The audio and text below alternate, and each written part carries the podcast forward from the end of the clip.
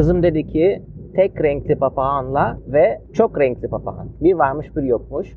Tropik bir ormanın içerisinde bir papağan ailesi varmış. Bu papağan ailesinin 3 tane yumurtası varmış.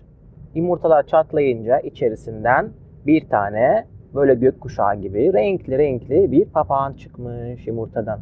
O bir yumurtanın içerisinden kırmızı ve yeşil bir papağan çıkmış. Ama üçüncü yumurtanın içerisinden gri bir tane papağan çıkmış. Tek rengi varmış, başka bir rengi yokmuş.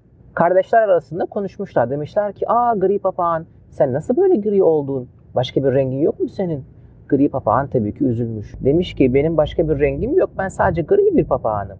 Renkli olan papağan çok böbürlenmiş. Demiş ki evet bakın benim tüylerime. Benim rengarenk tüylerim var.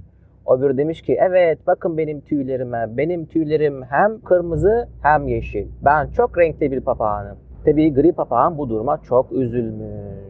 Ama annesi ona demiş ki benim yavru papağanım sen üzülme re- gri renkli olduğuna. Sen çok güzel bir papağansın içinden. Sen harika bir papağansın. Dışın da çok güzel, için de çok güzel. Bizim gri papağan hiç böbürlenmeyen bir papağanmış. Bütün arkadaşlarına, kardeşlerine hep yardım edermiş.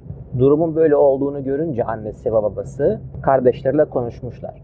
Demişler ki siz çok böbürleniyorsunuz. Sizin kardeşiniz gri papağan çok üzülüyor böyle olunca. Onun tüyleri gri olabilir ama o da sizin kardeşiniz. O çok güzel bir papağan. Bakın size hep yardımcı oluyor. Arkadaşlarına hep yardım eden bir papağan bu.